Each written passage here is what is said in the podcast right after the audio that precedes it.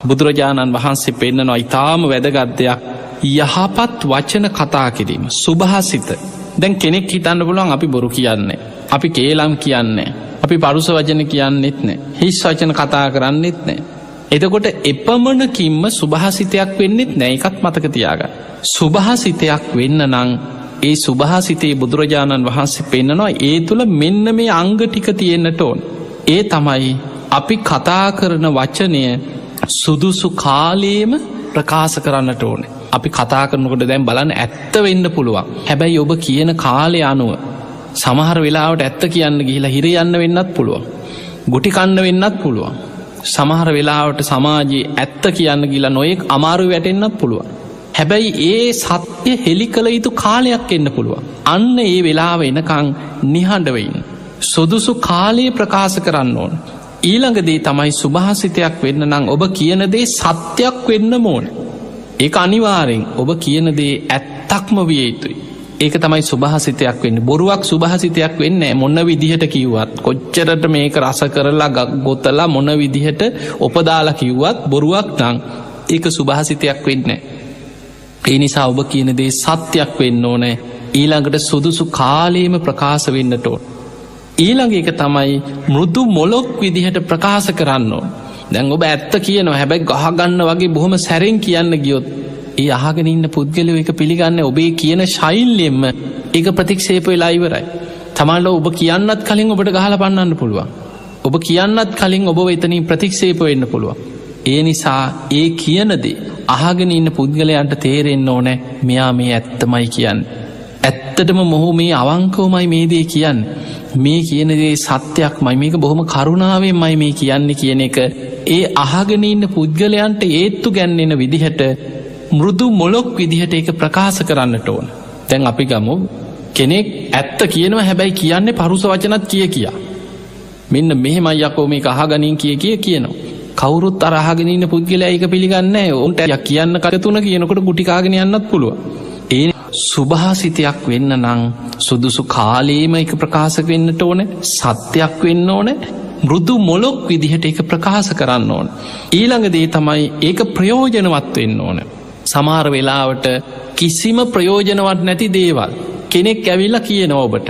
ඒක ඔබට හිතෙන්නේ මේ මේ අපේ කාලෙ කාදමනවා කිසිම වැඩක් නෑ එතකොට පිංහතුනේ ඔබ කතා කරන වචනය සුදුසු කාලයේ ප්‍රකාශ කරන්නට ඕන සත්‍යයක් වෙන්න ඕන ඉළඟට මෘදු මොලොක් විදිහට ප්‍රකාශ කරන්න ඕන. ඒ විතරක් නෙමේ වැදගත්මදේ ඒ කියන දේ ප්‍රයෝජනවත් දෙයක් වෙන්න ඕන. සමහර වෙලාවට මේ ඇත්තක් වෙන්නත් පුළුවන්.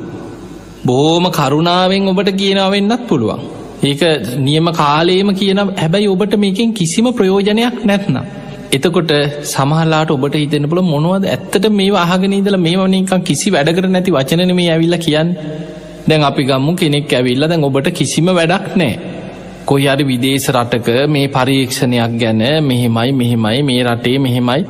ඔබට ඒක අදාළම නැත්නම් එක්කො සමාට දේශපාලන කතාවක් වෙන්න පුළුවන්. මේ කියන දේ ඇත්තක් වෙන්න පුළුවන්. මෙහෙමයි මෙහෙමයි ඒ කාලෙ මෙහෙමද මෙන්න මෙහෙමයි රටපාලනයක සමහරුන්ගේ කත්ත ඇරියොත් දේශපාලන. මොන්න කොහෙන් කැරකිලාවත් එන්න එතන්ටමයි.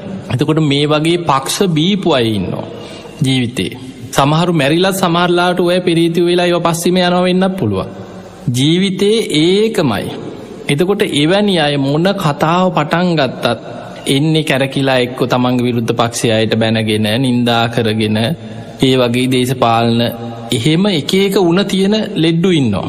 එවැනි පුද්ගලයෝ කතා කරනදේ ප්‍රයෝජනවත් නැත්නම් ඔබට ඒක නී රසයේ කතාව සමහලාට ඔබ මග හැරලා යනවා.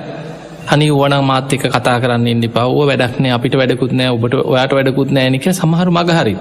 ඒ නිසා ඔබ අනවශ්‍ය විදිහට ඔබටවත් ප්‍රයෝජනවත් නැති දේවල් කතා කරන්න යන්න ඔබට ඒ නිසා බුදුරජාණන් වහන්සේ පෙන්න්නනවා කතා කරන්දේ ප්‍රයෝජනවත්වෙන්. ඒ වගේමයි ඒක මෛත්‍රී සහගත වෙන්න ඕන කියනදේ. ඔබ කියනදේ මෛත්‍රී සහගත තව කෙනෙකුට යහපතක් කරන අරමුණින් ඒ කතා කරන වචනයේ ප්‍රකාශ වෙනවා නං අන්නේ කියපු කාරණා පහම ඇතුළත් දෙයක් නම් ඔබේ වචනයේ සුභාසිතයක් බවට පත්වෙනවා. එහෙමනං ඔබට තේරෙන ඇති ඔබ කියනදේ බොරුවක් නොවෙච්ච පමණි. සත්‍යයක් වෙච්ච පමණින්ම සුභාසිතයක් වෙන්නේ. කේලමක් නොවෙච්ච පමණි ඒක පරුස වච්චනයක් නැතුව බොහොම කරුණාවෙන් කියූ පමණින්ම සුභාසිතයක් වෙන්නේ.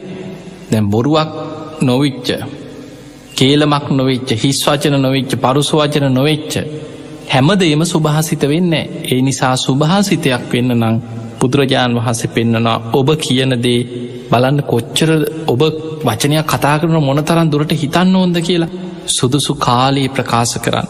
ඒක සත්‍යයක්ම ප්‍රකාශ කරන්න මෘදු මොලොක් විදිහට ඒක ප්‍රයෝජනවත් විදිහට මෛත්‍රී සහගත සිතෙන්ම ප්‍රකාශ කරනවන අන්න යහපත් වචනයක් සුභාසිතයක් පිංහතුන අපේ බෝසතාණන් වහන්සේ මේ දීර්ග සංසාර ගමන පාරමී පුරාගෙනාපු ආත්ම භාවවල කවම දහාවත් බොරුවක් කිය කිය ඇවිල්ල නෑකිෙන. අනුම් මුලාහ කරගෙන ආපු ගමනක් නෑකිනවා. උන්වහන්සේගේ අතින් සසරේ පාරමී පුරාගෙන එනකොට වෙච්ච වැරදි අඩුපාඩු අකුසල් ගැන ජාතක පොත් වහන්සේ තුළ තියෙන අයිවට ලැබිච්ච විපාක උන්වහන්සේ මතුකර කර පෙන්න්නනවා. හැබැයි බුදුරජාණන් වහන්සේ බුදුවෙලා ප්‍රකාශයක් කරනවා මහනෙනි කවම දාවත්මං. මේ පාරමී පුරන්න පටන්ගත්ත දීපංකර පාදමූලේ පටන් විවරණ අරගෙන බුදුවෙන තැන දක්වාම බොරුවක් නන් සංසාරය කියල නෑ කිය. ඇයි උන්වහන්සේ මේ එන්නේ ආරි සත්‍යයක් අවබෝධ කරගන්න මෙන ගමන.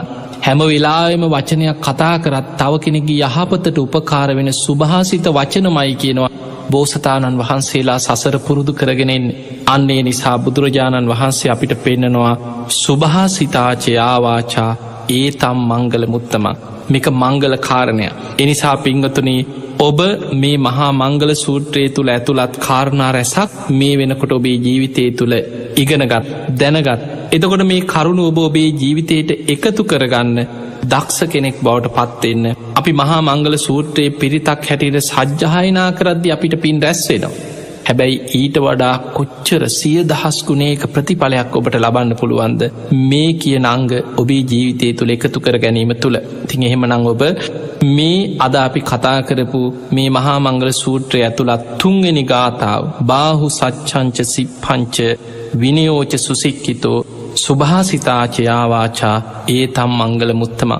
මේ ගාථාව සඳහන් වෙන ආකාරයට ඔබ හැම දෙනාම බහුශ්ෘත භාවය ඒ වගේම විනය හික්මීම ඒ වගේම ශිල්ප ශාස්ත්‍ර ගැන ඇතිකරගන්න දැනුම කයිවචනයේ සංවරකම සුභාසිත වචන මේ ඔබේ ජීවිතය තුළ ඇතිකරගෙන ඔබ හැම දෙනාටමත් උතුම් වූ ධර්මාවබෝධය කරාම ඔබේ ජීවිතයේ දවසින් දවස පියවරෙන් පියවර දියුණු කරගන්න වාසනාව ලැබේවා ලැබේවා ලැබේවා කියලපි ඔබට ආශිර්වාද ප්‍රාර්ථනා කරනවා. අද මේ උතුම් ධර්ම දේශනාවෙන් රැස් කරගස් සියලුපින්. සියලු දෙවියෝ සාධු කාර්දිදී මේ පින් අනුමෝදන් වෙත්වා දෙවියන්ගේ දෙවි අස ඉසුරු වර්ධනය කරගෙන සියලු දෙවියෝතුම් නිවනටම පත්තේවා කෙර සාදු කෙල දෙවියන්ට පින් දෙන්න ඒ සියලු දෙවියන්ගේ පිහිට රැකවරණ ආශිර්වාදය ඔබ හැම දෙනාටම සැලසේවා කියලපි ඔබට ආශිර්වාද ප්‍රාර්ථනා කරන.